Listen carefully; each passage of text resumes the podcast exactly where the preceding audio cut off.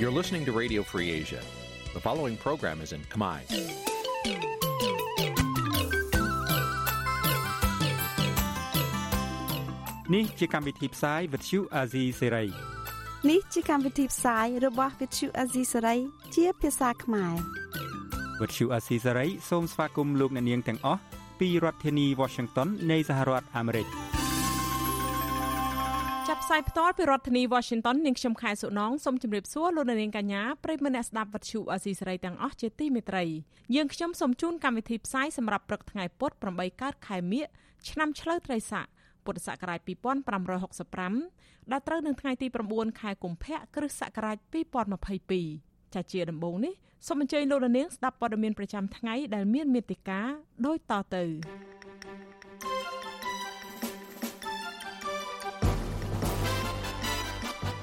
ករនៅប្រទេសកូរ៉េខាងត្បូងគ្រោងនឹងធ្វើបាតកម្មប្រឆាំងវត្តមានលោកហ៊ុនសែននៅពេលលោកទៅទទួលពានរង្វាន់សន្តិភាពនៅទីនោះសង្គមស៊ីវិលទាមទារដោះលែងអ្នកជាប់ឃុំដោយអយុត្តិធម៌ជិត70នាក់មន្ត្រីសង្គមស៊ីវិលបារម្ភថារដ្ឋាភិបាលប្រើច្បាប់ទប់ស្កាត់ជំងឺ Covid-19 ជាឧបករណ៍គៀបសង្កត់សិទ្ធិពលរដ្ឋ អ្នកការពារបរិស្ថានព្រួយបារម្ភពីការកាប់បំផ្លាញព្រៃឈើពីសំណាក់ក្រុមហ៊ុនវៀតណាម PNT រួមនឹងព័ត៌មានផ្សេងៗមួយចំនួនទៀតចាជាបន្តទៅនេះនាងខ្ញុំខែសុណងសូមជូនព័ត៌មានទាំងនេះពិស្ដា ចាលោកនាងជាទីមេត្រីក្រុមកម្មករនៅប្រទេសកូរ៉េខាងត្បូងក្រុងនឹងធ្វើបាតកម្មប្រឆាំងវត្តមានលោកនាយករដ្ឋមន្ត្រីហ៊ុនសែនក្នុងពេលដែលលោកទៅទទួលពានរង្វាន់សន្តិភាពនៅទីនោះដែលផ្ដល់ដោយមូលនិធិសុនហៈអ្នកវិភាគថាលោកហ៊ុនសែននឹងទទួលបានពានរង្វាន់សន្តិភាពคล้ายៗខណៈលោកដឹកនាំប្រទេសបែបគៀបសង្កត់សិទ្ធិសេរីភាពប្រជាពលរដ្ឋនិងបំបត្តិសម្លេងអ្នកប្រឆាំងចាលោកទីនហ្សាការីយ៉ារាយការណ៍ព័ត៌មាននេះ ក្រុមពលករនៅប្រទេសកូរ៉េខាងត្បូងនឹងធ្វើបាតកម្មប្រឆាំងលោកហ៊ុនសែនក្នុងពេលលោកទៅទទួលពានរង្វាន់សន្តិភាពសុនហៈនៅទីក្រុងសេអ៊ូលប្រធានគណៈកម្មការនយោបាយនៃចលនាប្រជាធិបតេយ្យគណៈបកសង្គ្រោះជាតិប្រចាំប្រទេសកូរ៉េខាងត្បូងលោកសសុខេមឲ្យវិទ្យុអាស៊ីសេរីដឹងថាលោកនឹងដឹកនាំពលករធ្វើបាតកម្មនៅទីក្រុងសេអ៊ូលនៅយប់ថ្ងៃសៅរ៍ទី12និងបន្តដល់ព្រឹកថ្ងៃអាទិត្យទី13កុម្ភៈលោកបញ្ជាក់ថាលោកហ៊ុនសែនមិនស័ក្តិសមជាមេដឹកនាំទទួលបានពានរង្វាន់សន្តិភាពនេះទេក្នុងពេលលោកកំពុងតែដឹកនាំប្រទេស ដោយគៀបសង្កត់និងចាប់ចងប្រជាពលរដ្ឋដាក់គុកច្រវាក់ឥតឈប់ឈរនោះយើងនឹងធ្វើបាតកម្មដើម្បីទី1គឺឲ្យលោកហ៊ុនសែននឹងត្រូវតែគោរពច្បាប់គោរពសិទ្ធិមនុស្សគោរពលទ្ធិប្រជាធិបតេយ្យនៅកម្ពុជាហើយនឹងឲ្យដាក់ឲ្យគណៈបកសង្គ្រោះជាតិដំណើរការឡើងវិញអានឹងជាគោលបំណងធំរបស់យើង ហើយមួយទៀតនោះយើងក៏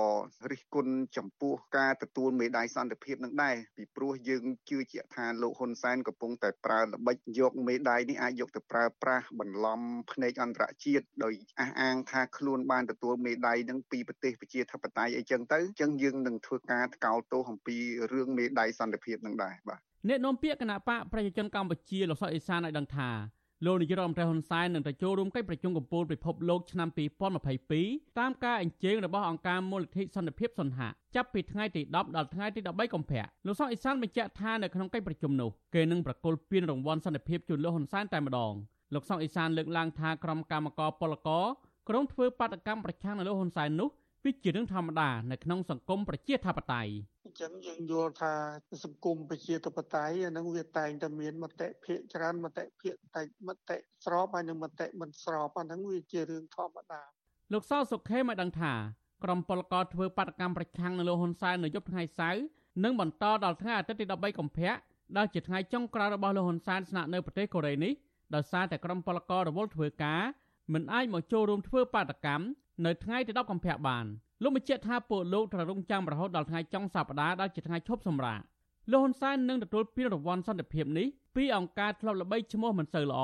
ឈ្មោះមូលនិធិសន្តិភាពសន្ហៈអង្គការនេះប្រកាសថាមានមូលដ្ឋាននៅទីក្រុងសេអ៊ូលប្រទេសកូរ៉េខាងត្បូងប្រធានមូលនិធិសន្ហៈលោក Thomas Walls លើកឡើងតាមលិខិតមួយកាលពីខែមករាថា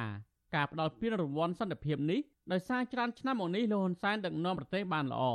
និងបានរួមចំណែកដល់ការកសាងសន្តិភាព ការអភិវឌ្ឍសេដ្ឋកិច្ច ទាំងនៅក្នុងប្រទេសកម្ពុជា ទាំងក្នុងតំបន់អាស៊ីអាគ្នេយ៍និងការលើកកម្ពស់សន្តិភាពក្នុងតំបន់អាស៊ីប៉ាស៊ីហ្វិកហើយពានរង្វាន់នេះនឹងត្រូវធ្វើពិធីប្រគល់ជូនលោកហ៊ុនសែននៅទីក្រុងសេអ៊ូលតែម្ដងតើតើនឹងបញ្ហានេះនិវិភាគនយោបាយនៅប្រទេសខ្លួននៅក្រៅប្រទេសលោកកឹមសុខបានហៅពានរង្វាន់សន្តិភាពដែលលោកហ៊ុនសែនទទួលបាននេះថាជាពានរង្វាន់សន្តិភាពខ្លាំងខ្លាយលោកបញ្ជាក់ថាពានរង្វាន់នេះមិនមានតម្លៃអ្វីទេនៅគ្រាដែលលោកហ៊ុនសែនមិនមែនជាមេដឹកនាំសន្តិភាពពិតប្រាកដនោះជាស្ដែងថ្មីថ្មីនេះ លោកហ៊ុនសែនបានប្រកាសគាំទ្រមេដឹកនាំរដ្ឋប្រហារមីយ៉ាន់ម៉ា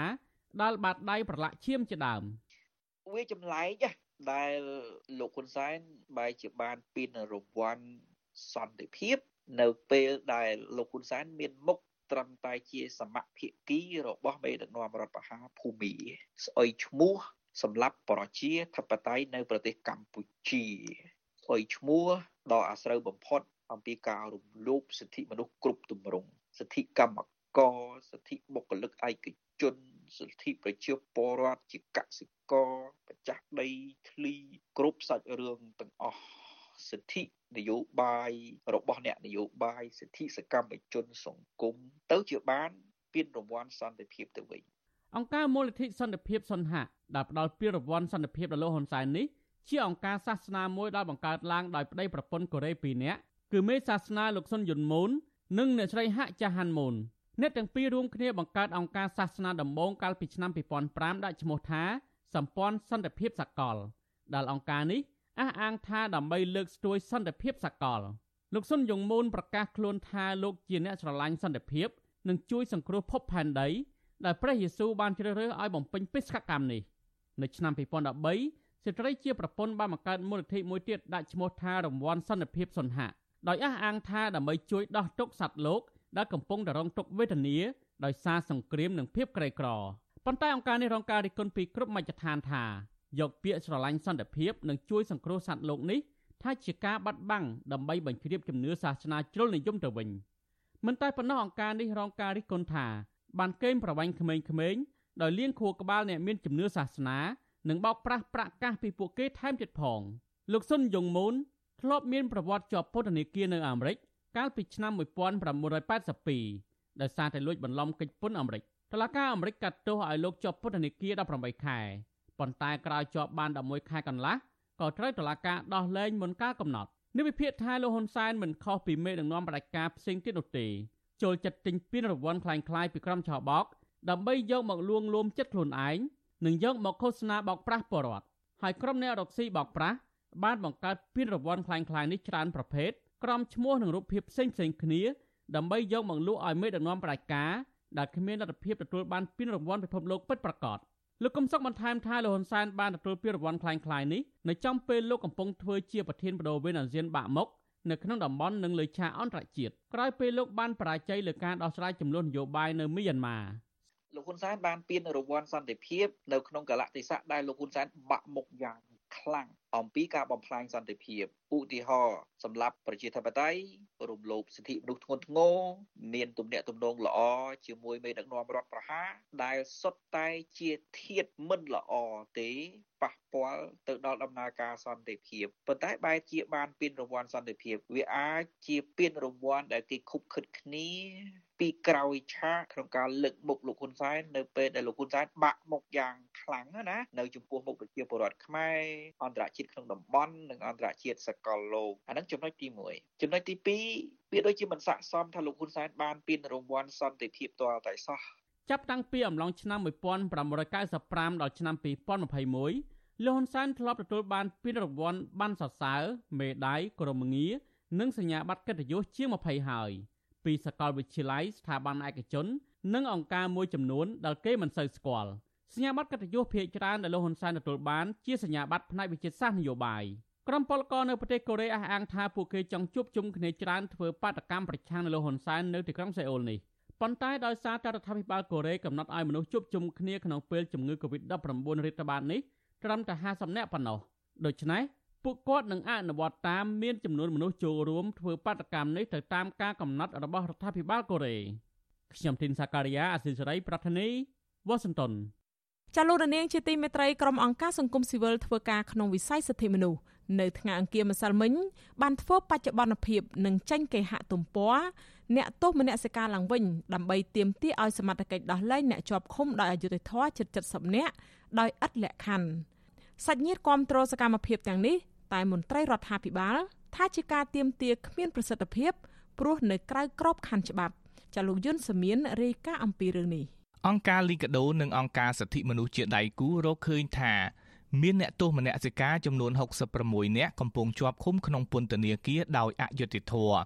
ពួកគេត្រូវជាប់ឃុំដោយសារតែសកម្មភាពបែបសន្តិវិធីផ្នែកនយោបាយបរិស្ថាន សង្គមដីធ្លី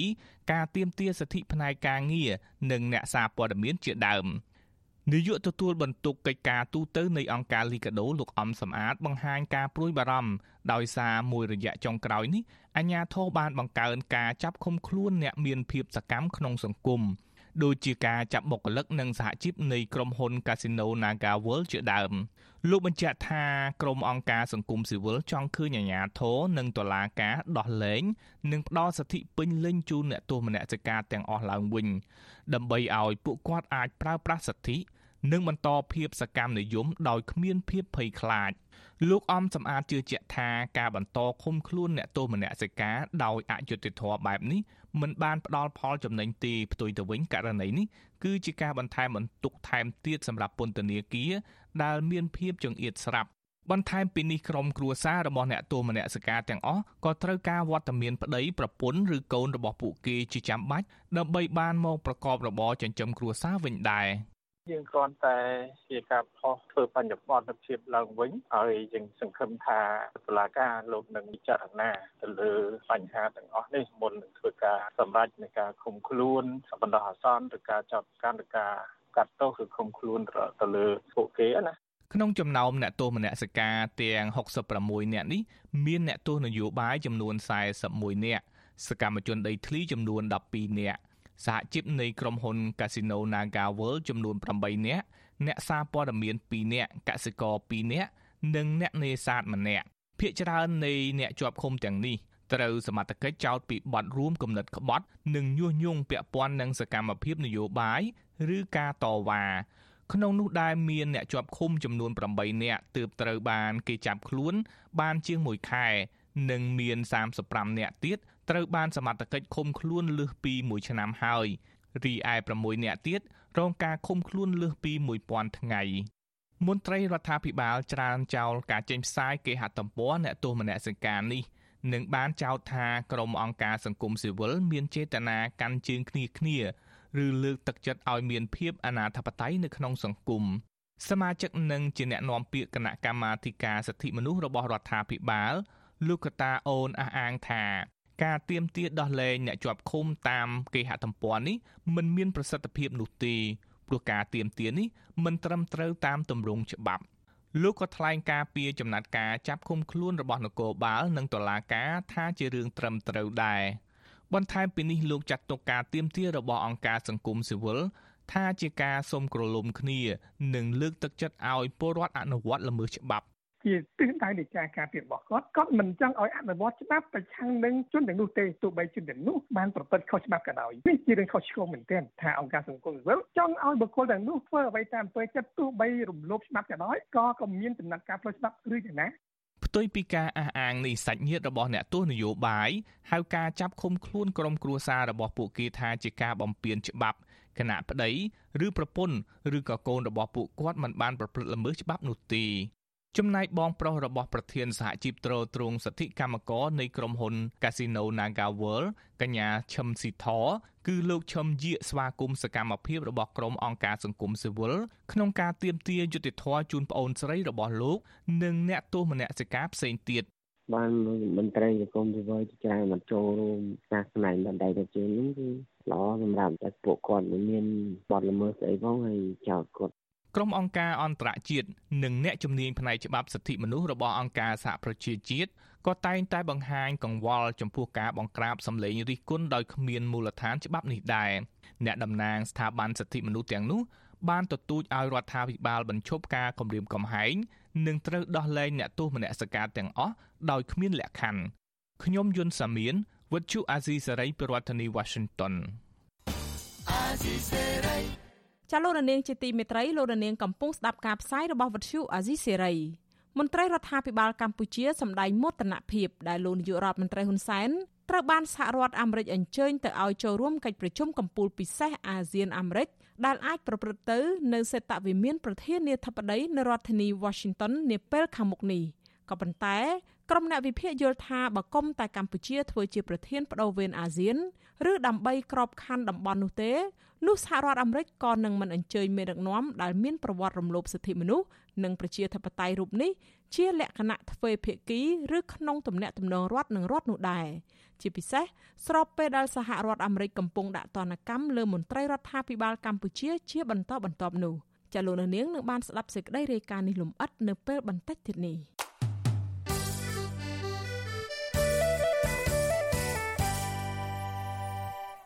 ចាលោកនាងកញ្ញាជាទីមេត្រីចាតកតងទៅនឹងរឿងក្តីក្តាំរបស់ក្រុមកម្មករកាស៊ីណូ Nagavel ឯនោះវិញ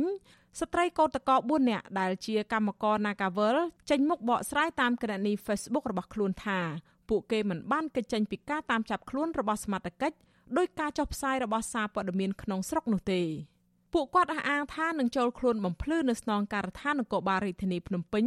តាមដីកាបង្គាប់របស់តុលាការក្រោយធ្វើចតាឡេស័កនៅផ្ទះរួចរាល់តាមវិធានសុខាភិបាល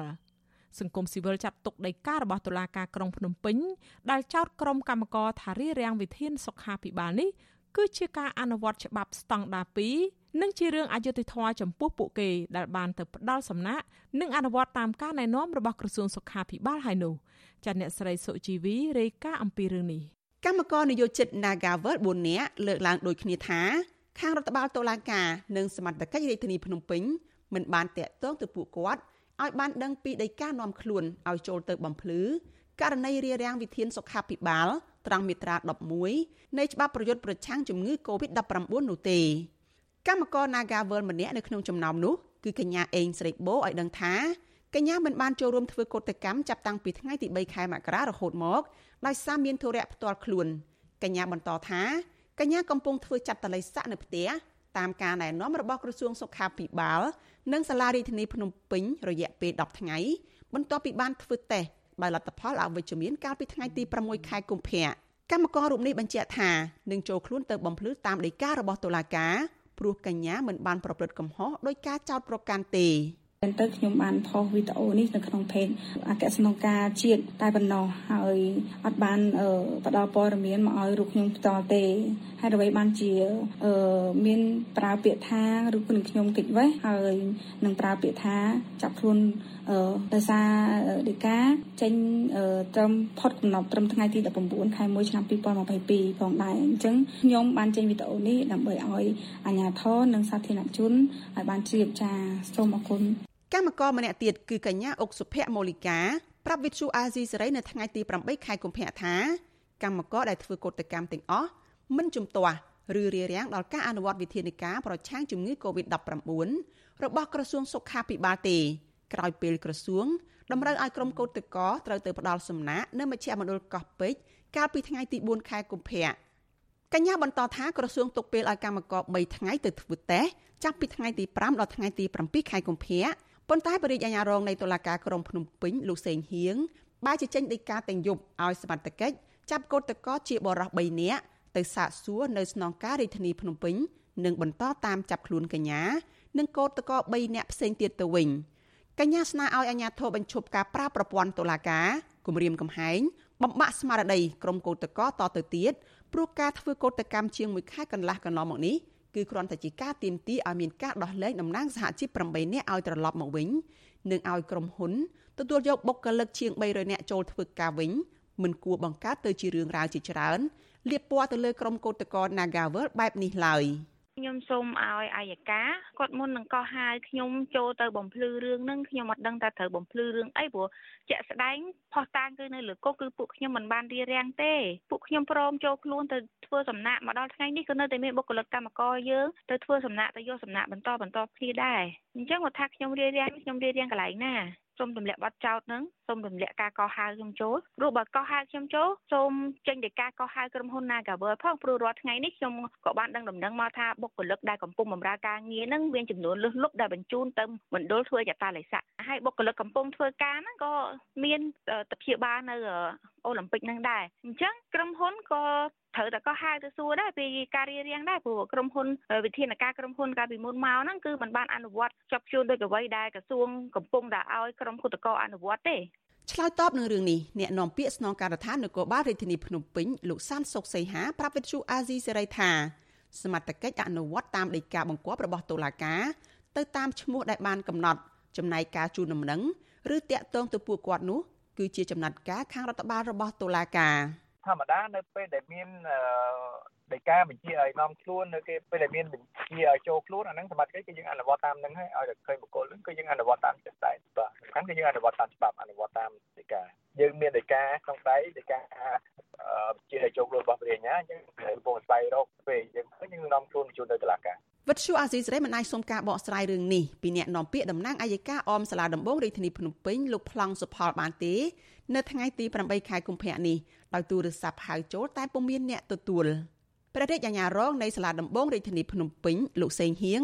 បានចេញដីកាបង្គាប់ឲ្យសមត្ថកិច្ចនាំខ្លួនកម្មករ Nagavel ដែលធ្វើកោតកម្មចំនួន7នាក់កាលពីថ្ងៃទី5ខែកុម្ភៈទៅសាកសួរនៅការិយាល័យប្រឆាំងភេរវកម្មនិងអ ுக ្រិតកម្មឆ្លងដែននៃស្នងការដ្ឋាននគរបាលរាជធានីភ្នំពេញឲ្យបានមុនថ្ងៃទី19ខែកុម្ភៈដើម្បីសាកសួរពីដំណើររឿងរារាំងដល់ការអនុវត្តវិធានការសុខាភិបាល ក្នុងចំណោមនោះសមត្ថកិច្ចបានចាប់ខ្លួនលោកជួបច័ន្ទលោកសេងវណ្ណរិទ្ធនិងលោកសោកសម្បត្តិកាលពីយប់ថ្ងៃទី5ខែកុម្ភៈក្រោយពេលពួកគេចេញពីកន្លែងផ្ដាល់សំណាក់រោគជំងឺ Covid-19 នៅមជ្ឈមណ្ឌលកោះពេជ្រសមត្ថកិច្ចបានបញ្ចប់ការសាកសួរកោតក្រទាំង3នាក់ដោយបានកសាងសំណុំរឿងបញ្ជូនទៅតុលាការពាក់ព័ន្ធករណីរារាំងដល់ការអនុវត្តវិធានការ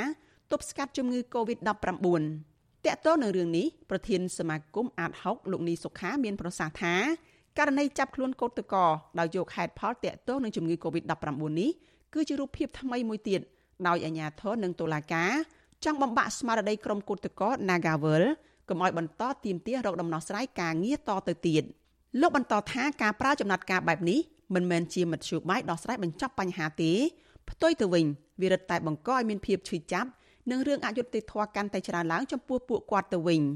លោកស្នើឲ្យតុលាការទម្លាក់ចោលការចោទប្រកាន់និងដោះលែងពួកគេឲ្យមានសេរីភាពមកវិញហើយជំរុញឲ្យក្រសួងពាក់ព័ន្ធនិងក្រុមហ៊ុនងាកមកចូលតុចរចាដោះស្រាយវិវាទការងារនេះដោយភាពស្មោះត្រង់និងស្របច្បាប់ រឿងនេះរដ្ឋាភិបាលគួរតែងាកទៅរកការដោះស្រាយដោយធ្វើការដោះលែងអ្នកដែលត្រូវបានចាប់ខ្លួនហើយឈប់បន្តការចាប់ខ្លួនតទៅទៀតណាហើយកុំយកបញ្ហាកូវីដបញ្ហាអីហ្នឹងដើម្បីទៅដាក់បន្ទុកលើកោតក្រទាំងអស់ហ្នឹងតទៅទៀតហើយយើងងាកទៅរកការដោះលែងហើយឲ្យឈានទៅរៀបចំដំណោះស្រាយមួយដោយឈរទៅលើច្បាប់យកច្បាប់ការងារជាធំដើម្បីធ្វើការដោះស្រាយទៅអានឹងជារឿងមួយដែលល្អសម្រាប់ភាគីទាំងសងខាងបាទ ក្រុមកោតតកដែលជាបុគ្គលិកកម្មករនៅក្រុមហ៊ុនបនលបែងកាស៊ីណូ Nagavel អះអាងថា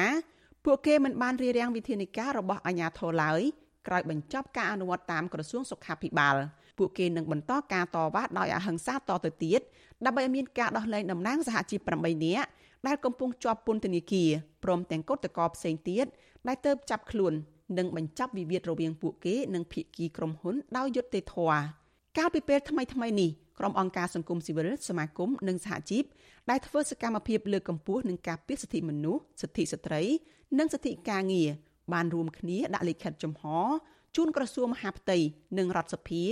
ក្នុងគោលបំណងទាមទារឲ្យមានការដោះលែងជាបន្ទាន់នៅថ្នាក់ដឹកនាំនិងសកម្មជនសហជីពទាំង8រូបដែលតុលាការកំពុងឃុំខ្លួន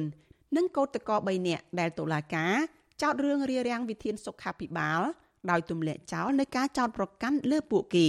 ក្រុមអង្គការសង្គមស៊ីវិលស្នើឲ្យមានដំណោះស្រាយវិវាទការងារនៅក្រុមហ៊ុន Nagavel ដោយភាពស្មោះត្រង់យុត្តិធម៌តម្លាភាព និងតាមច្បាប់ស្តីពីការងាររបស់ប្រជាណាចក្រកម្ពុជា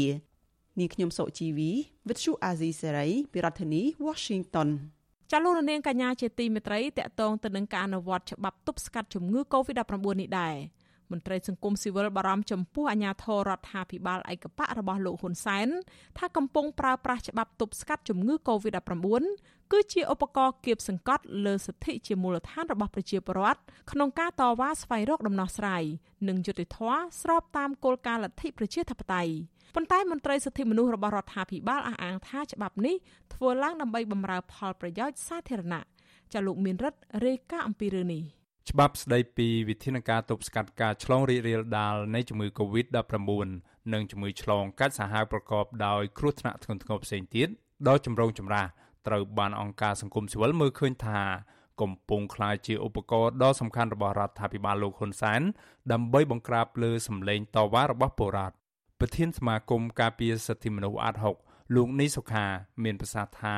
ការអនុវត្តច្បាប់ទប់ស្កាត់ជំងឺ Covid-19 ពីសំណាក់រដ្ឋាភិបាល បង្ហាញអំពីនិន្នាការមិនដំណាភាព និងមិនស្របតាមគោលការណ៍សិទ្ធិមនុស្សដែលជាក្តីបារម្ភរបស់ក្រុមអង្គការសង្គមស៊ីវិលតាំងតែពីដំបូងរហូតមកដល់ពេលនេះលោកបន្តថាច្បាប់នេះកំពុងក្លាយជាឧបករណ៍របស់អាជ្ញាធរ ប្រើប្រាស់ដើម្បីរដ្ឋបិទលើសិទ្ធិសេរីភាពនៃការបញ្ចេញមតិនិងការជួបប្រជុំដោយសន្តិវិធីនៃក្រុមសកម្មជននយោបាយសកម្មជនសង្គមកម្មករនិងពលរដ្ឋហើយដែលរដ្ឋាភិបាលមិនពេញចិត្តចំពោះសកម្មភាពចេញទៀមទារោគដំណោះស្រាយនិងស្វែងរកយុត្តិធម៌នៅក្នុងសង្គមរបស់ពួកគាត់លោកចាត់ទុកការអនុវត្តច្បាប់ថាមានស្តង់ដារពីរបែបនេះ គឺជារឿងអយុត្តិធម៌សម្រាប់ពលរដ្ឋការប្រើប្រាស់ច្បាប់ការប្រើប្រាស់ប្រព័ន្ធតុលាការវាហាក់បីដូចជា ស្របគ្នាទៅនឹងគោលដៅរបស់រដ្ឋាភិបាលដែល មានចេតនាចង់រដ្ឋបិទទៅលើសេរីភាពរបស់ក្រុមអ្នកដែលរដ្ឋាភិបាលយល់ថាជាក្រុមដែលមានទស្សនៈប្រឆាំងជាមួយនឹងរដ្ឋាភិបាលមានទស្សនៈមិនស្របជាមួយនឹងរដ្ឋាភិបាលដូច្នេះយើងឃើញហើយថាគោលដៅនៃអនុវត្តច្បាប់នេះគឺថាភាគច្រើនច្រើនតែដាក់សម្ពាធទៅលើតែក្រុមទាំងអស់នឹង ជាមួយគ្នានេះដែរអ្នកសម្របសម្រួលគម្រោងធុរកិច្ចនិងសិទ្ធិមនុស្សរបស់មជ្ឈមណ្ឌលសិទ្ធិមនុស្សកម្ពុជា CCHR លោកវ៉ាន់សុផាតមើលឃើញថាការបង្កើតច្បាប់ទប់ស្កាត់ជំងឺឆ្លង COVID-19 គឺជារឿងល្អក៏ប៉ុន្តែខ្លឹមសារនឹងការអនុវត្តច្បាប់ជាក់ស្ដែងវិញ រំលោភលើសិទ្ធិសេរីភាពរបស់ពលរដ្ឋលោកថាអាញាធរតែងតែយកបញ្ហានេះទៅគម្រាមកំហែងពលរដ្ឋ ដែលមានចំនួនដីធ្លី ដើម្បីបំបាក់ស្មារតីឲ្យឈប់ចេញមកតវ៉ាតទៅទៀតលោកវ៉ាន់សុផាតឲ្យដឹងថារឿងរ៉ាវជាក់ស្ដែងកើតលើពលរដ្ឋនៅខេត្តកណ្ដាលខេត្តកោះកុងនិងខេត្តស្វាយរៀងដែលត្រូវបានអាជ្ញាធរចាប់ខ្លួន និងតុលាការចោទប្រកាន់ដាក់ពន្ធនាគារព្រមទាំងពិន័យជាប្រាក់ជាបន្តបន្ទាប់ក្រោមហេតុផលថាល្មើសវិធានការសុខាភិបាលប ញ្ហាដោយសារខ្លឹមសារច្បាប់វាមានន័យទូលំទូលាយពេកមិនបានកំណត់ច្បាស់លាស់មានបញ្ហាអីគ្រាន់តែយកច្បាប់ហ្នឹងទៅទៅតែមាត្រា2 3ទៅគឺអីក៏ចំដែរធ្វើអីក៏ប៉ះមានអនុភាពអនុវត្តបានទាំងអស់ណាឃើញទេយកតែច្បាប់ហ្នឹងទៅគម្រាមគាត់បាក់ស្មារតីរបស់គាត់តែប៉ុណ្ណឹងទៅគឺថាគាត់បែកខ្ញែកគ្នាហើយជាបរិវត្តបារម្ភមែនតែដកហូតយកទៅពីទាំងផ្ទះបំបែងរបស់ពួកគាត់ដោយពុំមានដល់សំឡងនិងដំណោះស្រាយសមរម្យក្រោមរូបភាពនៃអនុវត្តច្បាប់កូវីដការពារកូវីដ19 ហ្នឹងបាទ វិសុយស៊ីស្រីមិនអាចតតងប្រធានអង្គភិបអ្នកណែនាំពាក្យរដ្ឋាភិបាលលោកផៃស៊ីផាននិងអ្នកណែនាំពាក្យក្រសួងយុតិធធលោកចិនម៉ាលីនដើម្បីសុំការបញ្ជាក់ជុំវិញរឿងនេះបាននៅឡើយទេ នៅថ្ងៃទី8ខែកុម្ភៈ ក៏ប៉ុន្តែអ្នកនាំពាក្យគណៈកម្មាធិការសិទ្ធិមនុស្សរបស់រដ្ឋាភិបាលលោកកតាអូនឲ្យដឹងថារដ្ឋាភិបាល បង្កើតច្បាប់នេះឡើងនៅក្នុងគោលដៅដើម្បីបម្រើផលប្រយោជន៍សាធារណៈនិងរក្សាសន្តិភាពសង្គមដើម្បីចាត់វិធានការលើអ្នកទាំងឡាយណាដែលល្មើសច្បាប់ប៉ុណ្ណោះដោយមិនបំបិទសិទ្ធិសេរីភាពចំពោះក្រុមបុគ្គលណាមួយដោយតាមការចាត់ប្រកាន់របស់ក្រុមអង្គការសង្គមស៊ីវិលនោះទេ លោកកតាអូនបញ្ជាក់ថាខ្លឹមសារនៃច្បាប់នេះគឺត្រឹមត្រូវព្រោះទទួលបានការអនុម័តពីរដ្ឋសភាវិធានការសុខាភិបាលក៏យើងអនុវត្តក្របខ័ណ្ឌច្បាប់ក៏យើងអនុវត្តទី3ការអនុវត្តច្បាប់គឺជាការអនុវត្តចំពោះជនដែលប្រព្រឹត្តល្មើសច្បាប់មិនមែនការអនុវត្តច្បាប់សម្រាប់បំបិតសម្លេងបំបិតមាត់បំបិតសិទ្ធិសេរីភាពប្រជាជនទូទាំងប្រទេសឬក្រុមណាមួយទេទោះយ៉ាងណា ប្រធានសហព័ន្ធសហជីពកម្មករចំណីអាហារសេវាកម្មកម្ពុជាអ្នកស្រីអ៊ូទីផាលីនបញ្ជាក់ថាការប្រើប្រាស់សិទ្ធិសេរីភាពនៅក្នុងសង្គមប្រជាធិបតេយ្យមិនគួរចាប់ខ្លួន ឬចោទប្រកាន់តាមប្រព័ន្ធតុលាការ ជាពិសេសក្រោមច្បាប់ទប់ស្កាត់ជំងឺ Covid-19 នោះទេ អ្នកស្រីបញ្ជាក់ថាបើទោះបីជាច្បាប់ដែលបង្កើតឡើងនេះមិនមានចេតនាសម្ដៅទៅក្រុមណាមួយក៏ដោយក្តីក៏ប៉ុន្តែក្រុមអង្គការសង្គមស៊ីវិលមើលឃើញថាច្បាប់នេះបានคล้ายជាកម្មវត្ថុនៃការគៀបសង្កត់លើកម្មករនយោជិតនិងប្រជាពលរដ្ឋដែលប្រើសិទ្ធិសម្ដែងមតិនិងធ្វើកោតកម្មដោយសន្តិវិធី ក៏ប៉ុន្តែនៅក្នុងការអនុវត្តជាក់ស្ដែងវិញគឺអាជ្ញាធររំលោភលើសិទ្ធិរបស់កម្មករនយោជិតដោយបើកដៃឲ្យថៅកែបន្តរំលោភសិទ្ធិការងារតទៅទៀតក្នុងពេលដែលមានការតវ៉ាការទុកមិនសុខចិត្តអីមួយនៅកន្លែងធ្វើការនៅក្នុងកម្រិតសហគមន៍ឬក៏ស្ថានភាពដែលគាត់ចង់ថ្លែងសារទៅកាន់អ្នកធ្វើគោលនយោបាយអ្នកពាក់ព័ន្ធនេះផ្សេងផ្សេងដល់ពេលយើងយកច្បាប់នឹងមកគឺមានចេតនាមួយថាស្រុកយើងអាចមានវិបត្តិនៅក្នុងការប្រើប្រាស់ច្បាប់នឹងដើម្បីកាត់ផ្តាច់នៅស្ថានភាព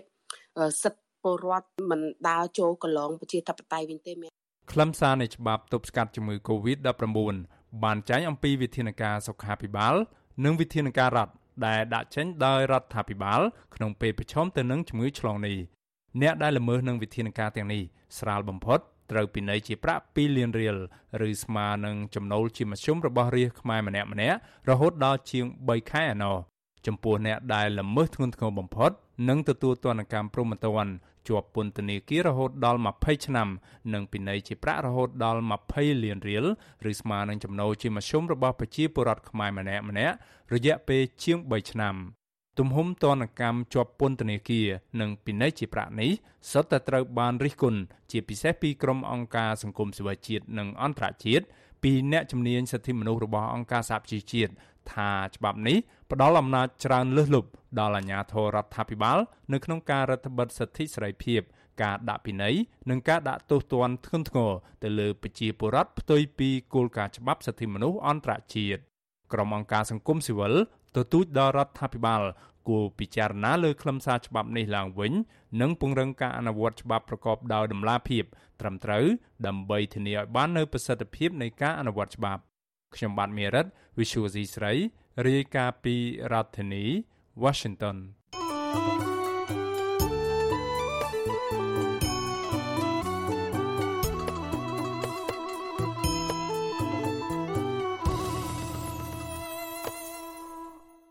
ចាលោកនាងកញ្ញាជាទីមេត្រីនៅឯខេត្តព្រះវិហារឯនោះវិញជនជាតិដើមភាគតិចគួយ3គ្រួសារក្នុងចំណោមពលរដ្ឋជាង200គ្រួសារ បានយកញត្តិដាក់ជូនទៅសាលាខេត្តព្រះវិហារដោះស្រាយជាថ្មីទៀតក្រោយពីមន្ត្រីខុទ្ទកាល័យលោកនាយករដ្ឋមន្ត្រីហ៊ុនសែនបានជំរុញឲ្យក្រុមពលរដ្ឋទាំងនោះមកពឹងលើអាជ្ញាធរមូលដ្ឋានដើម្បីដោះស្រាយវិញអ្នកភូមិរអ៊ូថាពួកគាត់បានដាក់ញត្តិសុំកិច្ចអន្តរាគមន៍ទៅអាជ្ញាធរខេត្តព្រះវិហារ4លើកមកហើយឲ្យអង្គភាពមួយនេះរកយុត្តិធម៌ក្នុងសំណុំរឿងចំនួនដីធ្លីជាមួយក្រុមហ៊ុនរ៉ែមាស Delcom Cambodia និងក្រុមហ៊ុនស៊ិនសានប៉ុន្តែពុំទទួលបានលទ្ធផលនោះទេចាសសូមលោកនាងស្ដាប់សេចក្តីរាយការណ៍នេះរបស់លោកសេចបណ្ឌិតតំណាងប្រជាពលរដ្ឋរស់នៅភូមិត្រពាំងទទឹមឃុំរំទុំស្រុករវៀងបន្តអំពាវនាវអាជ្ញាធរខេត្តព្រះវិហារពន្លឿនរោគដំណោះស្រាយចំនួនដីធ្លីនេះឲ្យបានឆាប់ព្រោះអ្នកភូមិរាប់រយគ្រួសារមិនអាចចូលទៅបង្កបង្កើនផលលើដីមានចំនួននោះជិត1ឆ្នាំមកហើយអ្នកភូមិអះអាងថាក្រុមហ៊ុនទាំងនេះ បានបញ្ជូនកម្លាំងយោធា និងសន្តិសុខរាប់រយនាក់យាមកាមការពារមិនឲ្យអ្នកភូមិចូលទៅដីស្រែរបស់ខ្លួន ដែលធ្លាប់បង្កបង្កើនផលតាំងពីដូនតាមកតំណាងពលរដ្ឋរស់នៅភូមិត្រពាំងទទឹមលោកស្រីយឹមផាតប្រាប់បទសុអាស៊ីសេរី នៅថ្ងៃទី8កុម្ភៈថាអ្នកភូមិកំពុងតល់ច្រកមិនដឹងទៅពឹងស្ថាប័នណាមួយឲ្យជួយដោះស្រាយវិវាទដីធ្លីនេះទេព្រោះកន្លងទៅ ស្ថាប័នពាក់ព័ន្ធខេត្តព្រះវិហារ មិនបានយកចិត្តទុកដាក់ដោះស្រាយពីក្តីកង្វល់របស់ប្រជាពលរដ្ឋនោះទេលោកស្រីបន្ថែមថាពួកលោកស្រីបានបង្ខំចិត្តដាក់ញត្តិជាលើកទី4នេះផ្អែកតាមសំណើរបស់មន្ត្រីខុទ្ទកាល័យលោកនាយករដ្ឋមន្ត្រីហ៊ុនសែនថាប្រសិនបើអាជ្ញាធរខេត្តនេះនៅតែមិនដោះស្រាយនោះទេ ស្ថាប័នថ្នាក់ជាតិនេះនឹងចុះអន្តរាគមន៍ដោយផ្ទាល់ ដែលខ្ញុំយល់ឃើញនេះគេមិនគ្មានភាពយុត្តិធម៌គេគ្មានភាពជួយជាពលរដ្ឋទេគាត់មានជួយទេគេជួយតែអ្នកមានអំណាចគេជួយតែក្រុមហ៊ុន ចំពោះពុកខ្ញុំអ្នកក្រៃក្រអ្នកថោកទាបគេយកដីខ្ញុំទៅលក់ឲ្យក្រុមហ៊ុនតំណាងពលរដ្ឋរូបនេះត្អូញត្អែថាគ្រួសារលោកស្រី មានដីស្រែ18ហិកតា ក្នុងនោះ មានប្លង់រឹងជិត2ហិកតាត្រូវបានក្រុមហ៊ុន Delcom Cambodia និងក្រុមហ៊ុនសិនសានរំលោភយកទាំងស្រុងដោយគ្មានសំណងអ្វីទាំងអស់ រយៈពេល1ឆ្នាំមកហើយហើយបន្ទាប់នៅពីនេះគ្រួសារលោកស្រីគ្មានដីដាំដុះចិញ្ចឹមជីវិតទៀតទេលោកស្រីបន្ថែមថាអ្នកភូមិរាប់រយគ្រួសាររស់នៅតំបន់ភ្នំលុងកំពុងប្រឈមនឹងជីវភាពលំបាកខ្លាំងដោយគ្មានដីដាំដុះនិងមានពលរដ្ឋជាង20គ្រួសារទៀតត្រូវអាជ្ញាធរគម្រាមឲ្យផ្តិតមេដៃលក់ដីឲ្យក្រុមហ៊ុនក្នុងតម្លៃថោកលោកស្រីបន្តថាចំនួនដីធ្លីនេះធ្វើឲ្យជីវភាពគ្រួសារលោកស្រីលំបាកវេទនា ដោយកូនកូនរបស់លោកស្រីពីរនាក់ហើយបានបង្ខំចិត្តឈប់រៀនខ្ញុំខំដើរអត់បាយអត់ទឹកធ្លាក់ពីពេញមកព្រាវិហាពីព្រាវិហាទៅពេញគូណាតែនឹកឃើញជួយពូខ្ញុំដែរទុកលំបាកពូខ្ញុំគ្មានបាយគ្មានទឹកហូបធ្វើបាបខ្ញុំកូនបាត់បង់ការរៀនសូត្រអស់ខ្ញុំជាស្រីមីម៉ាយគេមើលពុកខ្ញុំមិនឃើញចាប់ទឹកទៅពុកខ្ញុំជាសម្រាមស្ដីឲ្យពុកខ្ញុំតបមុខតបមាត់តំណាងពលរដ្ឋម្នាក់ទៀតលោកទួយឆេងមានប្រសាសន៍ថា បច្ចុប្បន្នជនជាតិដើមគួយរាប់រយគ្រួសារមិនទាន់អាចចូលទៅធ្វើស្រែចម្ការលើដីដែលធ្លាប់ធ្វើកន្លងមកនោះទេដោយសារក្រុមហ៊ុន បានបោះបង្គោលរបងហូមព័ទ្ធយកដីនៅតំបន់នោះ ប្រវែងទទឹង1គីឡូម៉ែត្របណ្ដោយជាង4គីឡូម៉ែត្រលោកបន្តថាទង្វើរបស់ក្រុមហ៊ុនទាំងនេះធ្វើឲ្យអ្នកភូមិលំបាកវេទនាគ្មានដីបង្កបង្កើនផល កូនកូនត្រូវឈប់រៀនហើយក៏មានអ្នកខ្លះទៀតលក់ដីឲ្យក្រុមហ៊ុន ក្នុងតម្លៃថោក ព្រោះតែគ្មានជំរឿរីឯអាជ្ញាធរមូលដ្ឋានខេត្តព្រះវិហារលំអៀងទៅខាងភៀកគីក្រុមហ៊ុនដោយមិនយកចិត្តទុកដាក់ដោះស្រាយចំនួនដីធ្លីនេះទេវាតាំងពីដូនពីកាលមកពួកគាត់តែងតែធ្វើចង្ការវល់ជុំហើយក្រៅពីចង្ការវល់ជុំហ្នឹងឯងគឺគាត់រលមាសរអីចង្ការធម្មតាដល់មិនឲ្យគ្រោះបោះគ្រោះចង្ការទៀតគេបានអីធ្វើទៀតមិនចិត្តដល់ឡែកក្រុមហ៊ុនទាំងអស់មួយបាទក្រុមហ៊ុនមានលទ្ធភាពបើចំណែកទាំងឯងប្រជាពលរដ្ឋអត់មានលទ្ធភាព វិទ្យុអាស៊ីសេរីនៅពុំទាន់អាចតាក់ទងសុំការបំភ្លឺអំពីរឿងនេះពីអភិបាលខេត្តព្រះវិហារលោកប្រាក់សវណ្ណនិងអ្នកនាំពាក្យសាលាខេត្តលោកយងកំហៀងបាននៅឡើយទេតាំងពីថ្ងៃទី3ដល់ថ្ងៃទី8កុម្ភៈដោយទូរស័ព្ទហៅចូលច្រើនដងតែគ្មានអ្នកទទួលចំណែកមេការក្រុមហ៊ុន Delcom Cambodia និងមេការក្រុមហ៊ុនសិនសាន លោកសសេរីវិចិត្រក៏អាស៊ីសេរីមិនទាន់អាចតាក់ទងបានដែរប៉ុន្តែមេឃុំរំទុំដែលទើបតែតែងតាំងថ្មី គឺលោកប្រាក់ផនទទួលស្គាល់ថាពិតជាមានពលរដ្ឋជាច្រើនគ្រួសារមានចំនួនដីធ្លីជាមួយក្រុមហ៊ុនប៉ុន្តែលោកមិនច្បាស់ថាមានប្រមាណគ្រួសារនោះទេលោកបដិសេធមិនឆ្លើយសំណួរផ្សេងផ្សេងដោយលើកហេតុផលថាកំពុងជាប់រវល់ជុំវិញរឿងនេះមន្ត្រីសម្របសម្រួលសមាគមអាត6ខេត្តព្រះវិហារលោកឡាវច័ន្ទមើលឃើញថាចំនួនដីធ្លីចាស់ចាស់ មិនទាន់ដោះស្រាយរួចរាល់ផងស្រាប់តែសកម្មភាពរំលោភដីស្រែចម្ការរបស់អ្នកភូមិកាន់តែកើនឡើងច្រើនថែមទៀតធ្វើឲ្យប្រជាពលរដ្ឋរងទុក្ខវេទនាទាំងកាយនិងចិត្តលោកបញ្ជាក់ថាពលរដ្ឋជាច្រើនគ្រួសារតែងតែទន្ទឹងរង់ចាំអាជ្ញាធរដោះស្រាយចំនួនដីធ្លីនេះហើយអាជ្ញាធរនៅតែពន្យាពេលធ្វើឲ្យពលរដ្ឋបាត់បង់ចំណូលនិងជីវភាពកាន់តែក្រីក្រ បើសិនអាជ្ញាធរមានឆន្ទៈក្នុងការដោះស្រាយចេះដឹងទុកធរៈសុខទុក្ខរបស់ប្រជាពលរដ្ឋខ្លួនឯងពិតមែនគួរណាតែហាវក្រុមហ៊ុនហ្នឹងហើយជាមួយតំណាងប្រជាពលរដ្ឋក៏ដូចជាជនរងគ្រោះហ្នឹងយកមកធ្វើការសម្របសម្រួលអាហ្នឹងបានចេះតែដំណើរការទៅមុខប៉ុន្តែយើងក៏លែងមកមើលបច្ចុប្បន្ននេះនៅពេលដែលប្រជាពលរដ្ឋមានរឿងដីធ្លីដាក់ទៅគឺដាក់ទៅស្ងាត់ប្រជាសហគមន៍ឲ្យដឹងថា តំបន់ភ្នំលុងមានផ្ទៃដីជាង1200ហិកតា ដែលសម្បូរទៅដោយរ៉ែមាសក្រោមដីត្រូវបានក្រុមហ៊ុនឯកជនធំធំចំនួន3ពុះចែកគ្នាធ្វើអាជីវកម្មដោយលាក់លៀមរីឯក្រុមហ៊ុនបានជួលក្រុមទាហានគម្រាមកំហែងអ្នកភូមិនិងរដ្ឋបិទអ្នកខាងក្រៅមិនឲ្យចេញចូលតំបន់នោះបានឡើយពលរដ្ឋឲ្យដឹងទៀតថាមានក្រុមហ៊ុនចិននិងវៀតណាមជាច្រើនទៀតបានជ្រកក្រោមស្លាកក្រុមហ៊ុនទាំងនោះ និងជួលអ្នកមានអំណាចកាងអាជីវកម្មឲ្យខ្លួនថែមទៀតផងទន្ទឹមនឹងនេះតំបន់នោះ មានទាហាននៅឈរចាំផ្លូវដើម្បីហាមឃាត់ពលរដ្ឋឬអ្នកសារព័ត៌មានមិនឲ្យចូលទៅទីនោះឡើយខ្ញុំបាទសេកបណ្ឌិតវិទ្យុអាស៊ីសេរីពីរដ្ឋធានីវ៉ាស៊ីនតោន ចលនានាងកញ្ញាជាទីមេត្រីមន្ត្រីរដ្ឋាភិបាលកម្ពុជាសម្ដែងមោទនភាពដែលលោកនាយករដ្ឋមន្ត្រីហ៊ុនសែនត្រូវបានសហរដ្ឋអាមេរិកអញ្ជើញឲ្យទៅចូលរួមកិច្ចប្រជុំកម្ពុជាពិសេសអាស៊ានអាមេរិកដែលអាចប្រព្រឹត្តទៅនៅសេតវិមានប្រធានាធិបតីនៅរដ្ឋធានី Washington នៅពេលខាងមុខនេះក៏ប៉ុន្តែក្រុមអ្នកវិភាគយល់ឃើញថាបកុំតែកម្ពុជាធ្វើជាប្រធានបដូវវេនអាស៊ាន ឬដើម្បីក្របខ័ណ្ឌតំបន់នោះទេនោះសហរដ្ឋអាមេរិក ក៏នឹងមិនអញ្ជើញមេដឹកនាំដែលមានប្រវត្តិរំលោភសិទ្ធិមនុស្សនិងប្រជាធិបតេយ្យរូបនេះជាលក្ខណៈទ្វេភាគីក្នុងទំនាក់ទំនងរដ្ឋនឹងរដ្ឋនោះដែរជាពិសេសស្របពេលដែលសហរដ្ឋអាមេរិកកំពុងដាក់ទណ្ឌកម្មលើមន្ត្រីរដ្ឋាភិបាលកម្ពុជាជាបន្តបន្ទាប់នោះចាប់ពីរដ្ឋធានី Washington លោកមានរិទ្ធមានសេចក្តីរាយការណ៍ពុស្ដាអំពីរឿងនេះបើទោះបីជាកិច្ចរហមតោពេលនេះ គេនៅមិនទាន់ប្រកាសនៅឡើយថាតើកិច្ចប្រជុំកំពូលពិសេសអាស៊ានអាមេរិកនេះអាចនឹងត្រូវធ្វើឡើងនៅពេលណានិងនៅទីកន្លែងណាជាក់លាក់ក៏ដោយក៏មន្ត្រីរដ្ឋាភិបាលកម្ពុជា បានឆ្លៀតឱកាសប្រើប្រាស់លិខិតដំបងរបស់ប្រធានាធិបតីអាមេរិកយកមកឃោសនាសម្ដែងមោទនភាពរបស់កម្ពុជាគណៈទនកម្មដែលអាមេរិកដាក់មកលើមន្ត្រីរដ្ឋាភិបាលកម្ពុជា នៅមិនទាន់បាត់ចំហាយក្តៅនៅឡើយ។ មន្ត្រីកម្ពុជាដែលធ្លាប់តែប្រើប្រាស់វោហារស័ព្ទប្រឆាំងអាមេរិកនិងថ្លែងកោតសរសើរមិត្តដៃថៃចិនមិនដាច់ពីមាត់ផងនោះឥឡូវនេះលោកប្រកាសថាការអញ្ជើញរបស់អាមេរិកនេះជាមោទនភាពរបស់កម្ពុជា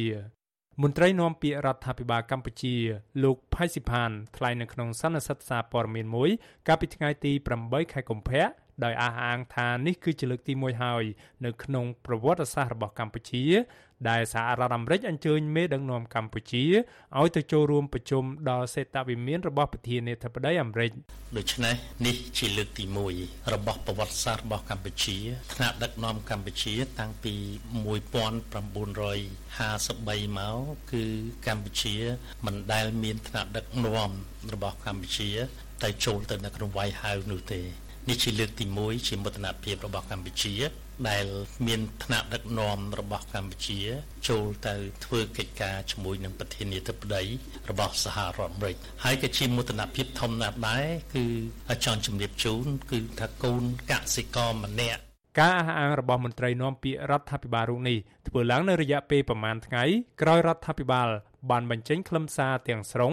នៃលិខិតឆ្លើយឆ្លងរវាងប្រធានាធិបតីអាមេរិកលោក Joe Biden និងលោកនាយករដ្ឋមន្ត្រីហ៊ុនសែន បើតាមរដ្ឋាភិបាលកម្ពុជាលិខិតរបស់ប្រធានាធិបតីអាមេរិកនេះធ្វើឡើងតាំងពីពាក់កណ្ដាលខែមករាគឺក្រោយពេលដែលលោកហ៊ុនសែនបានជំនះទៅធ្វើទស្សនកិច្ចដ៏ចម្រូងចម្រាសទៅជួបមេដឹកនាំរបបសឹកភូមា លិខិតនោះបញ្ជាក់ពីចេតនារបស់ប្រធានាធិបតីអាមេរិកនៅក្នុងការអញ្ជើញក្រុមមេដឹកនាំអាស៊ានទាំងអស់គឺមិនមែនតែលោកហ៊ុនសែនម្នាក់ឯងនោះឡើយឲ្យមកចូលរួមកិច្ចប្រជុំកំពូលពិសេសអាស៊ានអាមេរិកនៅរដ្ឋធានី Washington នៅក្នុងរយៈពេលប្រមាណខែខាងមុខទៀតនេះដោយមិនទាន់កំណត់ការបរិច្ឆេទជាក់លាក់នៅឡើយទេវិសុវអេស៊ីសរ៉ៃកំពុងតាក់ទងក្រសួងការបរទេសអាមេរិក នៅរដ្ឋធានី Washington ដើម្បីសុំការបញ្ជាក់បន្ថែមជុំវិញពេលវេលា និងទីកន្លែងជាក់លាក់នៃកិច្ចប្រជុំពិសេសនេះក៏ប៉ុន្តែនៅពុំទាន់ទទួលបានការឆ្លើយតបនៅឡើយទេគិតត្រឹមថ្ងៃទី8ខែកុម្ភៈអ្នកជំនាញវិទ្យាសាស្ត្រនយោបាយនិងកិច្ចការអន្តរជាតិលោកអែមសវណ្ណារាយល់ថាកម្ពុជាមិនគួរប្រញាប់បង្ហាញពីមោទនភាពពេកនោះទេពីព្រោះនេះគឺជាការអញ្ជើញទៅចូលរួមកិច្ចប្រជុំជាលក្ខណៈពហុភាគីសម្រាប់តំបន់អាស៊ានទាំងមូលហើយមិនមែនសម្រាប់កម្ពុជាតែឯងនោះទេបើយើងនិយាយនៅក្នុងក្របខ័ណ្ឌតំបន់កម្ពុជាជាប្រធានអាស៊ានហើយសហរដ្ឋអាមេរិកចង់បានគេហៅថានយោបាយមួយនៅក្នុងតំបន់អាស៊ីអាគ្នេយ៍ហ្នឹងគឺ Indo-Pacific ហើយដូច្នេះហើយវាជាតំបន់មួយដែលត្រួតស៊ីគ្នារវាងនឹងយុទ្ធសាស្ត្រ Indo-Pacific ហើយនិង BOI របស់ចិនគំនិតពីដើមផ្លូវខ្សែហ្នឹងប៉ុន្តែបើសិនបើក្នុងក្របខ័ណ្ឌគេហៅថាទ្វេភាគីខ្ញុំគិតថាកម្ពុជាពុំទាន់អាចប្រកបប្រកាសថាជាមោទនភាពសម្រាប់ក្នុងការសហរដ្ឋអាមេរិកអញ្ជើញមេដឹកនាំកម្ពុជាទៅ White House ទេក្នុងលក្ខណៈទ្វេភាគីមោទនភាពដែលមន្ត្រីកម្ពុជាលើកឡើងនេះកើតមានឡើងស្របពេលដែលសហរដ្ឋអាមេរិកបានបន្តដាក់ទណ្ឌកម្មជាក់លាក់ មកលើមន្ត្រីជាន់ខ្ពស់កម្ពុជាជាបន្តបន្ទាប់ស្ទើរតែរៀងរាល់ឆ្នាំគឺចាប់តាំងពីមានការរំលាយគណៈបកសង្គ្រោះជាតិមកយ៉ាងហោចណាស់មន្ត្រីនឹងមេឈ្មួញក្រាក់ក្រាក់កម្ពុជាសរុបចំនួន5នាក់ព្រមទាំងសមាជិកសាច់ញាតិបង្កើតនៃក្រុមគ្រួសារនិងក្រុមហ៊ុនរបស់ពួកគេត្រូវបានសហរដ្ឋអាមេរិកដាក់ទណ្ឌកម្មបង្កកទ្រព្យសម្បត្តិនិងរដ្ឋបិទទឹកធការ ទន្ទឹមនឹងនោះសហរដ្ឋអាមេរិកក៏បានដាក់ទណ្ឌកម្មបន្ថែមលើការរដ្ឋបិទការលក់សពាវុធមកឲ្យកម្ពុជាផងដែរលើពីនេះទៀត កាលពីចុងឆ្នាំ2021សហរដ្ឋអាមេរិកបានណែនាំដល់ក្រុមហ៊ុន និងវិនិយោគិនជនជាតិអាមេរិកទាំងអស់ឲ្យប្រុងប្រយ័ត្នមុននឹងមកវិនិយោគលើវិស័យហានិភ័យមួយចំនួននៅកម្ពុជា ជាពិសេសវិស័យហិរញ្ញវត្ថុអចលនទ្រព្យកាស៊ីណូនិងហេដ្ឋារចនាសម្ព័ន្ធព្រមទាំងវិស័យកម្មនសាល និងឈើហូបជាដើមព្រោះថាវិស័យទាំងនោះអាចជាប់ពាក់ព័ន្ធនឹងអំពើរំលោភសិទ្ធិមនុស្សសកម្មភាពឧក្រិដ្ឋឬអំពើពុករលួយជាដើម។ ក្នុងអាណត្តិរបស់រដ្ឋបាលលោកប្រធានាធិបតី Joe Biden អស់រយៈពេលជាមួយឆ្នាំមកនេះមន្ត្រីជាន់ខ្ពស់បំផុតដែលសហរដ្ឋអាមេរិកបានបញ្ជូនមកកម្ពុជាគឺមានត្រឹមថ្នាក់អនុរដ្ឋមន្ត្រីការបរទេសតែប៉ុណ្ណោះហើយសហរដ្ឋអាមេរិកក៏មិនដែលអញ្ជើញប្រមុខការទូតកម្ពុជា លោកប្រាក់សុខុនឬលោកនាយករដ្ឋមន្ត្រីហ៊ុនសែនឲ្យទៅធ្វើទស្សនកិច្ចផ្លូវការឬផ្លូវរដ្ឋឬជាលក្ខណៈទ្វេភាគីនោះទេម្ដងម្កាលគេឃើញលោកហ៊ុនសែនមានវត្តមាននៅលើទឹកដីអាមេរិក តែនៅពេលដែលមានមហាសន្និបាតរបស់អង្គការសហប្រជាជាតិនៅបូរីញូវយ៉កតែប៉ុណ្ណោះជាទីដែលមេដឹកនាំពិភពលោកទូទៅរួមទាំងមេដឹកនាំផ្ដាច់ការផងអាចទៅចូលរួមប្រជុំបាន នៅក្នុងនាមជាតំណាងរបស់ប្រទេសឬដែនដីរបស់ពួកគេសហរដ្ឋអាមេរិក បានរៀបចំកិច្ចប្រជុំកំពូលពិសេសអាស៊ានអាមេរិកជាលើកដំបូងកាលពីឆ្នាំ2016នៅក្នុងអាណត្តិរបស់ប្រធានាធិបតី Barack Obama ដែលកាលនោះលោកហ៊ុនសែននៅក្នុងនាមជាមេដឹកនាំមួយរូបនៃប្រទេសសមាជិកអាស៊ានក៏ត្រូវបានសហរដ្ឋអាមេរិកអញ្ជើញឲ្យមកចូលរួមកិច្ចប្រជុំនេះដែរកិច្ចប្រជុំនោះធ្វើឡើងនៅមជ្ឈមណ្ឌល Sunnylands នៅរដ្ឋ California ដោយមិនត្រូវបានធ្វើនៅសេតវិមានរបស់ប្រធានាធិបតីអាមេរិកនៅរដ្ឋធានី Washington នោះឡើយ កិច្ចប្រជុំពិសេសអាស៊ានអាមេរិកនេះធ្វើឡើងក្រោយពេលដែលសហរដ្ឋអាមេរិកនិងអាស៊ានបានសម្រេចលើកកម្ពស់ទំនាក់ទំនងនេះឲ្យคล้ายទៅជាទំនាក់ទំនងភាពជាដៃគូយុទ្ធសាស្ត្រកិច្ចប្រជុំកំពូលពិសេសអាស៊ានអាមេរិកចុងក្រោយដែលក្រុងនឹងធ្វើនៅទីក្រុង Las Vegas នៃរដ្ឋ Nevada នៅខែមីនាឆ្នាំ2020ក្រោមរដ្ឋបាលរបស់លោកប្រធានាធិបតី Donald Trump ត្រូវបានលុបចោលទៅវិញដោយសារតែវិបត្តិជំងឺរាតត្បាតសកល COVID-19 អ្នកជំនាញច្បាប់និងវិជាសាស្ត្រនយោបាយអន្តរជាតិកញ្ញាសេងធីរីយល់ថាសហរដ្ឋអាមេរិករៀបចំកិច្ចប្រជុំកំពូលពិសេសនេះជាមួយក្រុមមេដឹកនាំអាស៊ាននេះឡើងគឺក្នុងគោលដៅដើម្បីរក្សាផលប្រយោជន៍របស់អាមេរិកនៅក្នុងតំបន់អាស៊ានទាំងមូលដើម្បីទប់ទល់ជាមួយនឹងឥទ្ធិពលរបស់ចិនកញ្ញាបន្តថារដ្ឋាភិបាលអាមេរិកអាចនឹងពិចារណាលុបចោលកិច្ចប្រជុំនេះប៉ះសិនបើមានការដាក់សម្ពាធពីពលរដ្ឋអាមេរិកឬពីតំណាងរាស្ត្រនិងសង្គមស៊ីវិលនៅអាមេរិកជាដើម។ តកតងទៅលើសម្ពាធរបស់ប្រជាជនអាមេរិកពិសេសខ្មែរអាមេរិកាំងហើយអង្គការសង្គមស៊ីវិលដូច Human Rights Watch នៅក្នុងការដាក់សម្ពាធលើរដ្ឋាភិបាល Joe Biden ឲ្យគាត់យល់ដឹងថាគាត់អាចអាម៉ាស់មុខនៅក្នុងការចូលរួមនៅក្នុងការស្វាគមន៍លោកហ៊ុនសែនមកប្រជុំកំពូលនេះ បើអញ្ចឹងអានឹងវាស៊ីសងសម្ពាធពីសង្គមស៊ីវិលហើយប្រជាពលរដ្ឋខ្មែរឬអាមេរិកទាំងតតងយើងអត់ទាន់ដឹងទេចំណែកឯអ្នកជំនាញកិច្ចការអន្តរជាតិមួយរូបទៀតគឺបណ្ឌិតអៀសផលលោកបញ្យលថាសហរដ្ឋអាមេរិកមានផលប្រយោជន៍ច្រើនពីទំនាក់ទំនងជាមួយតំបន់អាស៊ានតាមរយៈការរៀបចំកិច្ចប្រជុំកំពូលពិសេសនេះ នៅក្នុងនោះសហរដ្ឋអាមេរិកចង់ធានាថាចិននឹងមិនមានឥទ្ធិពលទៅលើតំបន់អាស៊ាន ទាំងផ្នែកសេដ្ឋកិច្ចសន្តិសុខនិងនយោបាយនោះទេសហរដ្ឋអាមេរិកក៏ចង់បានការធានាលើបញ្ហានៃសេរីភាពនិវាចរនៅក្នុងតំបន់សមុទ្រចិនខាងត្បូងបញ្ហាប្រយុទ្ធប្រឆាំងនឹងជំងឺ Covid-19 រួមទាំងការរក្សាពាណិជ្ជកម្មការអភិវឌ្ឍសេដ្ឋកិច្ចរវាងតំបន់អាស៊ាននិងសហរដ្ឋអាមេរិកជាដើម បណ្ឌិតអៀសផលបញ្ជាក់ថាការដែលសហរដ្ឋអាមេរិកអញ្ជើញមេដឹកនាំកម្ពុជានៅក្នុងនាមជាប្រធានបដូវវេនអាស៊ានឲ្យមកចូលរួមកិច្ចប្រជុំពិសេសនេះគឺជារឿងធម្មតាក៏ប៉ុន្តែអ្នកជំនាញកិច្ចការអន្តរជាតិរូបនេះពន្យល់ថាសហរដ្ឋអាមេរិកនឹងមិនអញ្ជើញមេដឹកនាំកម្ពុជាមកជាលក្ខណៈទ្វេភាគីដែលអនុញ្ញាតឲ្យលោកហ៊ុនសែនអាចទៅចូលរួមប្រជុំនៅក្នុងសេតាវិមានប្រធានាធិបតីអាមេរិកនោះឡើយ ខ្ញុំបាទមេរិត Visual C ស្រីរាយការណ៍ពីរដ្ឋធានី Washington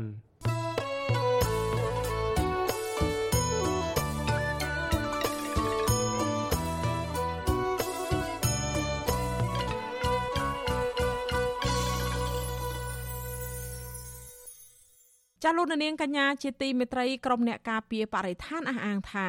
ពួកគាត់បានរកឃើញដើមឈើធំធំនៅក្នុងដែនជម្រកសត្វព្រៃឡង់ដែលក្រសួងបរិស្ថានចាត់ទុកថាជាតំបន់ស្នូលឬតំបន់ការពារដ៏តឹងរ៉ឹងបំផុតនោះកំពុងទទួលរងនឹងការកាប់រំលំពាសពេញព្រៃពីសំណាក់ក្រុមហ៊ុនវៀតណាម PNT ក្រុមស្នូលបណ្ដាញសហគមន៍ព្រៃឡង់មួយក្រុមបានឆ្មក់ចុះល្បាត ប្រទះឃើញកម្មកររាប់រយនាក់ប្រដាប់ដោយរណាយន្តស្ទើរគ្រប់ដៃ កំពុងពង្រាយពេញព្រៃឡង់ដើម្បីកាប់ឈើធំធំហើយដឹកចូលក្នុងការដ្ឋានក្រុមហ៊ុនវៀតណាមមួយនេះដែលមានទីតាំងស្តុកឈើខ្នាតធំជាប់ព្រៃឡង់ក្នុងស្រុករវៀងនៃខេត្តព្រះវិហារចាសសូមលោកនាងស្ដាប់សេចក្តីរាយការណ៍នេះពិស្ដាដោយលោកជីវិតាប្រជាសហគមន៍ព្រៃឡង់ខេត្តព្រះវិហារ30នាក់បែងចែកជា4ក្រុមបានលបចុះល្បាតព្រៃឡង់នៅពេលយប់រយៈពេល4ថ្ងៃចាប់ពីថ្ងៃទី2ដល់ថ្ងៃទី4ខែកុម្ភៈ ហើយបានរកឃើញផុសតាងជាច្រើន បង្ហាញពីអ ுக ្រិតកម្មព្រៃឈើទ្រង់ទ្រីធំ កំពុងកើតមានពីពេញព្រៃឡង់ដែលគ្រប់គ្រងដោយក្រសួងបរិស្ថានក្រមប្រជាសហគមន៍អះអាងថា ជារៀងរាល់ថ្ងៃ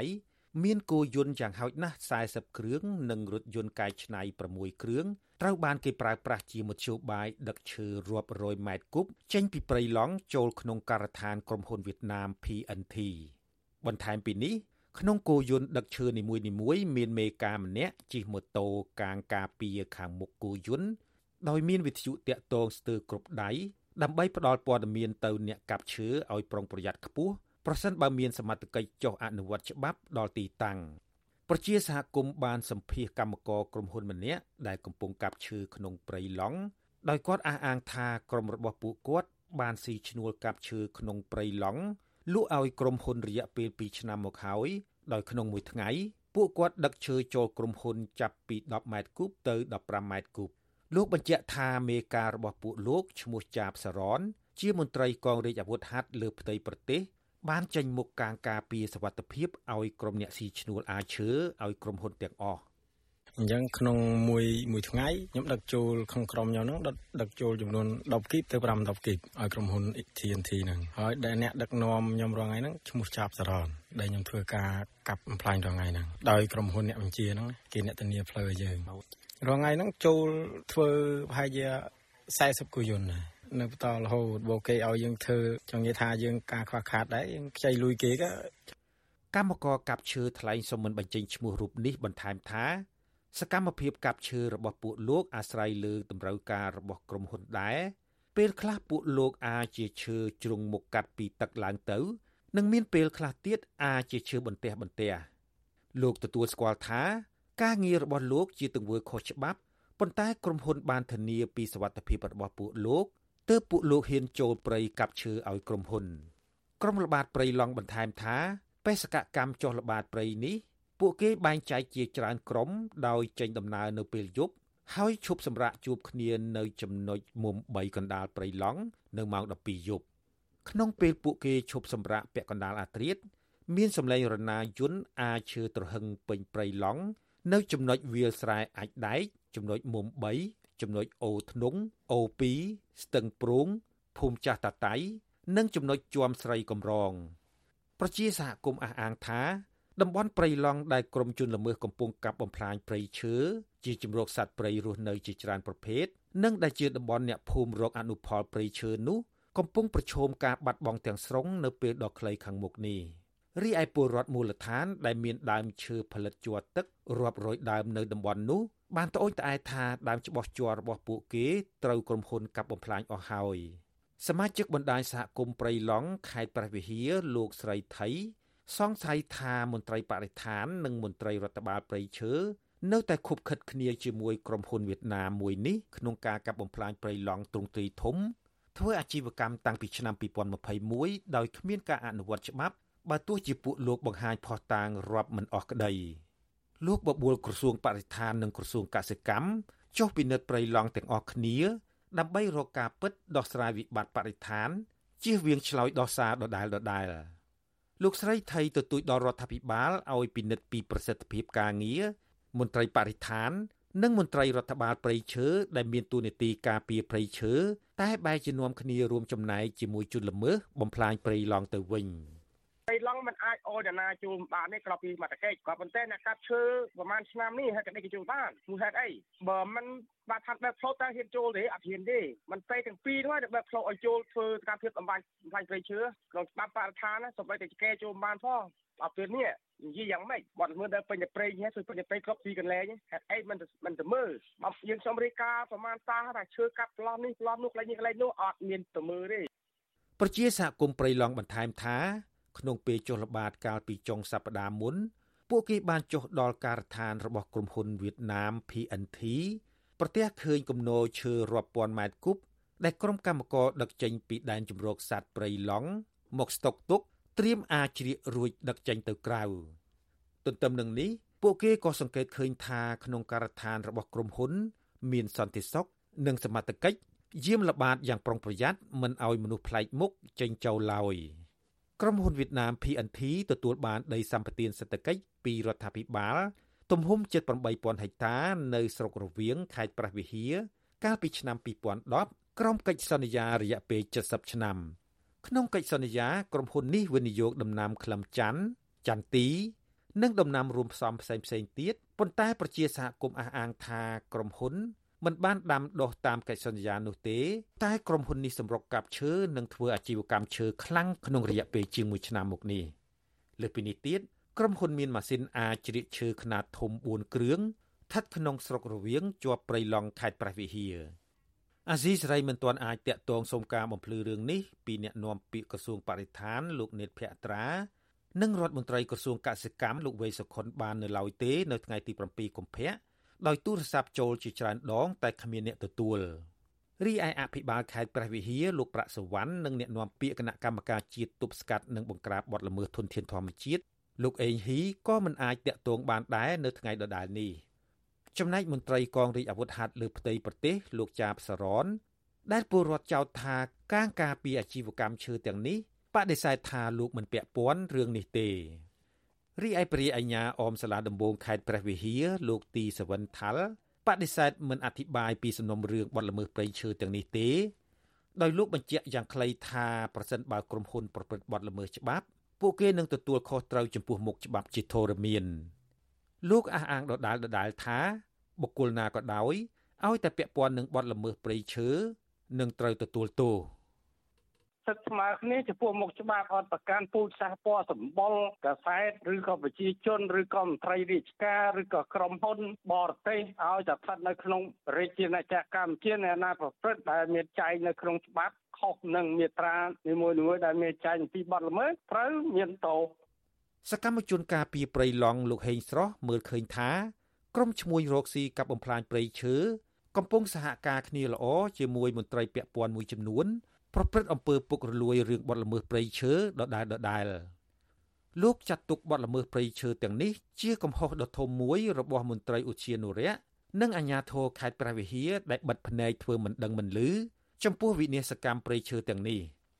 ព្រោះបើសិនជាមន្ត្រីឈានរៈគាត់មិនអនុញ្ញាតឲ្យពួកទាំងអស់នោះចូលគឺយើងជឿជាក់ថាពួកទាំងអស់នោះគឺអត់អាចចូលនៅក្នុងតំបន់ព្រៃនឹងបានដោយសារព្រៃក្រោមការគ្រប់គ្រងរបស់មន្ត្រីឈានរៈហើយប៉ុស្តិ៍នីមួយៗគឺច្រកដឹកចេញឈើនីមួយៗគឺសិតស្ទឹងតែមានប៉ុស្តិ៍សមត្ថកិច្ចបរិស្ថានត្រួតពិនិត្យថាតើការចេញចូលនៅក្នុងតំបន់ព្រៃហ្នឹងវាចូលទៅដើម្បីអីជុំវិញរឿងនេះសកម្មជនការពីប្រៃឡង់ខេត្តព្រះវិហារម្នាក់ទៀតគឺលោកខែមសុខីអះអាងថា ពួកលោកគ្រងប្រមូលផុសតាងទាំងនេះ ផ្ញើសារទៅក្រសួងបរិស្ថាននិងរដ្ឋាភិបាលរកដំណោះស្រាយជាបន្ទាន់ដើម្បីសង្គ្រោះព្រៃឡង់លោកថាក្រសួងបរិស្ថានគួរតែទទួលស្គាល់ការពិតហើយដោះស្រាយរឿងនេះឲ្យមានប្រសិទ្ធភាពមិនគួរច្រានចោលរបាយការណ៍ភ្លាមភ្លាមដោយគ្មានការស៊ើបអង្កេតច្បាស់លាស់នោះទេការកាប់បំផ្លាញព្រៃឈើក្នុងតំបន់នីមួយៗនៅតែមានការកើតឡើងហើយយើងគួរតែចុះស្រាវជ្រាវឲ្យបានជាក់លាក់មុននឹងធ្វើការឆ្លើយតប ទៅនឹងអង្គការអ្វីមួយរដំណោះស្រាយមុននឹងឆ្លើយថាពិតមិនពិតយើងត្រូវតែស្វែងយល់បាយការហ្នឹងហើយស៊ើបអង្កេតឲ្យបានច្បាស់លាស់កាលពីថ្ងៃទី28ខែមករាអង្គការលើកលែងទោសអន្តរជាតិ Amnesty International បានផ្សាយរបាយការណ៍ស្រាវជ្រាវថ្មីមួយដោយរកឃើញថាការកាប់ឈើខុសច្បាប់ក្នុងតំបន់ព្រៃការពារធម្មជាតិបង្កើតឲ្យមានការរំលោភសិទ្ធិមនុស្សនិងការលុបបំបាត់ទំនៀមទម្លាប់ជនជាតិដើមភាគតិចនៅកម្ពុជា អង្គការអន្តរជាតិមួយនេះជំរុញឲ្យរដ្ឋាភិបាលបញ្ឈប់ការកាប់ឈើខុសច្បាប់ដោយទប់ស្កាត់ជាបន្ទាន់នៅអំពើពុករលួយ ដែលកំពុងកើតឡើងយ៉ាងច្រើនសន្ធឹកសន្ធាប់របាយការណ៍បង្ហាញថាប្រទេសកម្ពុជាទទួលរងការកាប់បំផ្លាញព្រៃឈើខ្ពស់ជាងគេនៅលើពិភពលោកក្នុងរយៈពេលប្រមាណទសវត្សរ៍ចុងក្រោយនេះដោយបានបាត់បង់ព្រៃឈើប្រមាណ64%នៃគម្របដើមឈើចាប់តាំងពីឆ្នាំ2011រហូតដល់បច្ចុប្បន្ន អង្គការលើកលែងទោសអន្តរជាតិ Amnesty International បានកណនាពីចម្ងាយដោយប្រើប្រព័ន្ធទិន្នន័យកាលពីពេលថ្មីៗនេះរកឃើញថាគម្របព្រៃឈើទំហំ6271ហិកតាស្ថិតក្នុងដែនជម្រកសត្វព្រៃឡង់និងព្រៃព្រះរកាត្រូវបានកាប់បំផ្លាញនៅក្នុងឆ្នាំ2021លើសពីនេះមូលហេតុចម្បងដែលនាំឲ្យមានការកាប់ឈើខុសច្បាប់ គឺការប្រព្រឹត្តអំពើពុករលួយរបស់អាជ្ញាធរពាក់ព័ន្ធ ប៉ុន្តែអ្នកនាំពាក្យក្រសួងបរិស្ថានលោកនេតភក្ត្រា បានច្រានចោលរបាយការណ៍នេះដោយលោកអះអាងថាគ្មានមូលដ្ឋាន និងគ្មានភស្តុតាងច្បាស់លាស់ទោះជាយ៉ាងណាក៏ដោយចុះប្រជាសហគមន៍អះអាងថាឈើមូលធំធំដែលកម្មករក្រុមហ៊ុនវៀតណាមកាប់ពង្រាយពេញព្រៃឡង់ដើម្បីធ្វើអាជីវកម្មនោះភាគច្រើនជាឈើកគី ស្រឡៅពពេលផ្ដៀកនិងដើមច្បោះជ័រជាដើមលើសពីនេះទៀតដែនជំរកសត្វព្រៃឡង់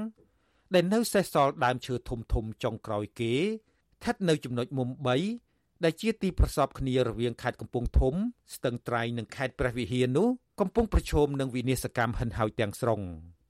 ខ្ញុំជីវិតាអាស៊ីសេរី